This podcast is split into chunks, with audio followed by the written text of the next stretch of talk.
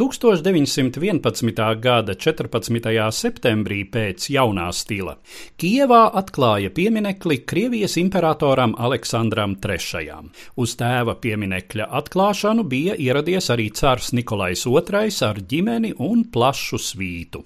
Vakarā augstie viesi apmeklēja Kijevas operteātri.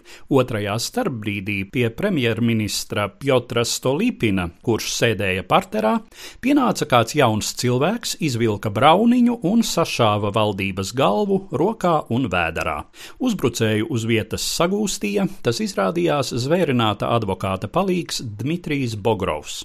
Stolīpins tika nogādāts slimnīcā, cerības uz atlapšanu nepiepildījās, un 1911. gada 18. septembrī Piotrs Stolīpins nomira. Par Krievijas valdības vadītāju Stolipins kļuva 1906. gada jūlijā, saglabājot jau līdz tam ieņemto iekšlietu ministra amatu. Tas bija laiks, kad impērijas vāra centīgi slāpēja pēdējo piektā gada revolūcijas gruzdēšanu, un Stolipinam bija lemts kļūt par šīs represīvās politikas personificētāju.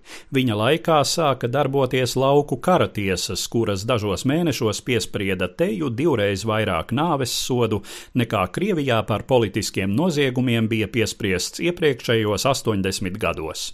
Karātavu cilpa ieguva sarkastisko apzīmējumu Stolīpina kakla saite. Attiecīgi pirmā versija par atentāta motīvu varēja būt revolucionāro spēku atriebība par asiņainajām represijām. Un patiešām slepkava, advokāta palīgs Bogrovs jau kopš 1906. gada bija pagrīdes anarchistu organizācijas biedrs.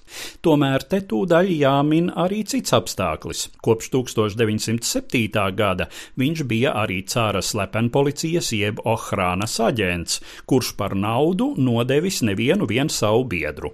Ap 1910. gadu viņš gan regulārus kontaktus ar Ohrānu pārtraucis, domājams baidoties no atmaskošanas, bet tad neilgi pirms cāra vizītes Kijevā atkal uzradies un paziņojis, ka viņam ir ziņas par iespējamu atentātu. Ar Ohrānas gādību, it kā lai uzrādītu sazvērniekus, Bogrovs tad arī ieguvis ieejas biļeti uz 14. septembra izrādi, kur pats izrādījies slepkava. Kas lika vidusmēra provokatoram Bogrovam spērt šādu soli? Varbūt biedri viņu tiešām bija atmaskojuši, un viņam vairs nebija ko zaudēt. Varbūt motīvs nebija tik daudz ideoloģisks, cik etnisks. Bogrovs dzīvis Kijevas ebreju ģimenē, un Stolīpinu daudzi vainoja arī šai laikā daudz viet notikušajos asiņainajos ebreju grautiņos. Un vēl Bogrovu notiesāja triecienu tempā un sodīja ar nāvi jau 25. septembrī. Nekādi citi aresti nesekoja. Izskatās pēc atbrīvošanās no tāda, kurš pārāk daudz zina. Piotrs Stolīpins bija ne tikai kārējs, drakonisks revolūcijas apspiedējs. Viņš bija arī plaša vēriena reformātors, kura programmai, ja tā izdotos, vajadzēja novērst lielu daļu sociālo problēmu, pirmām kārtām Krievijas laukos. Stolīpina agrārā reforma paredzēja noārdīt no feodālisma laikiem mantoto lauku kopienu sistēmu, sadalot to zemes kopīpašumu atsevišķiem saimniekiem. Veidotos īpašuma attiecību modelis, kāds pastāvēja Eiropā un arī impērijas rietumos, tā skaitā Baltijā, un bija pierādījis savu efektivitāti.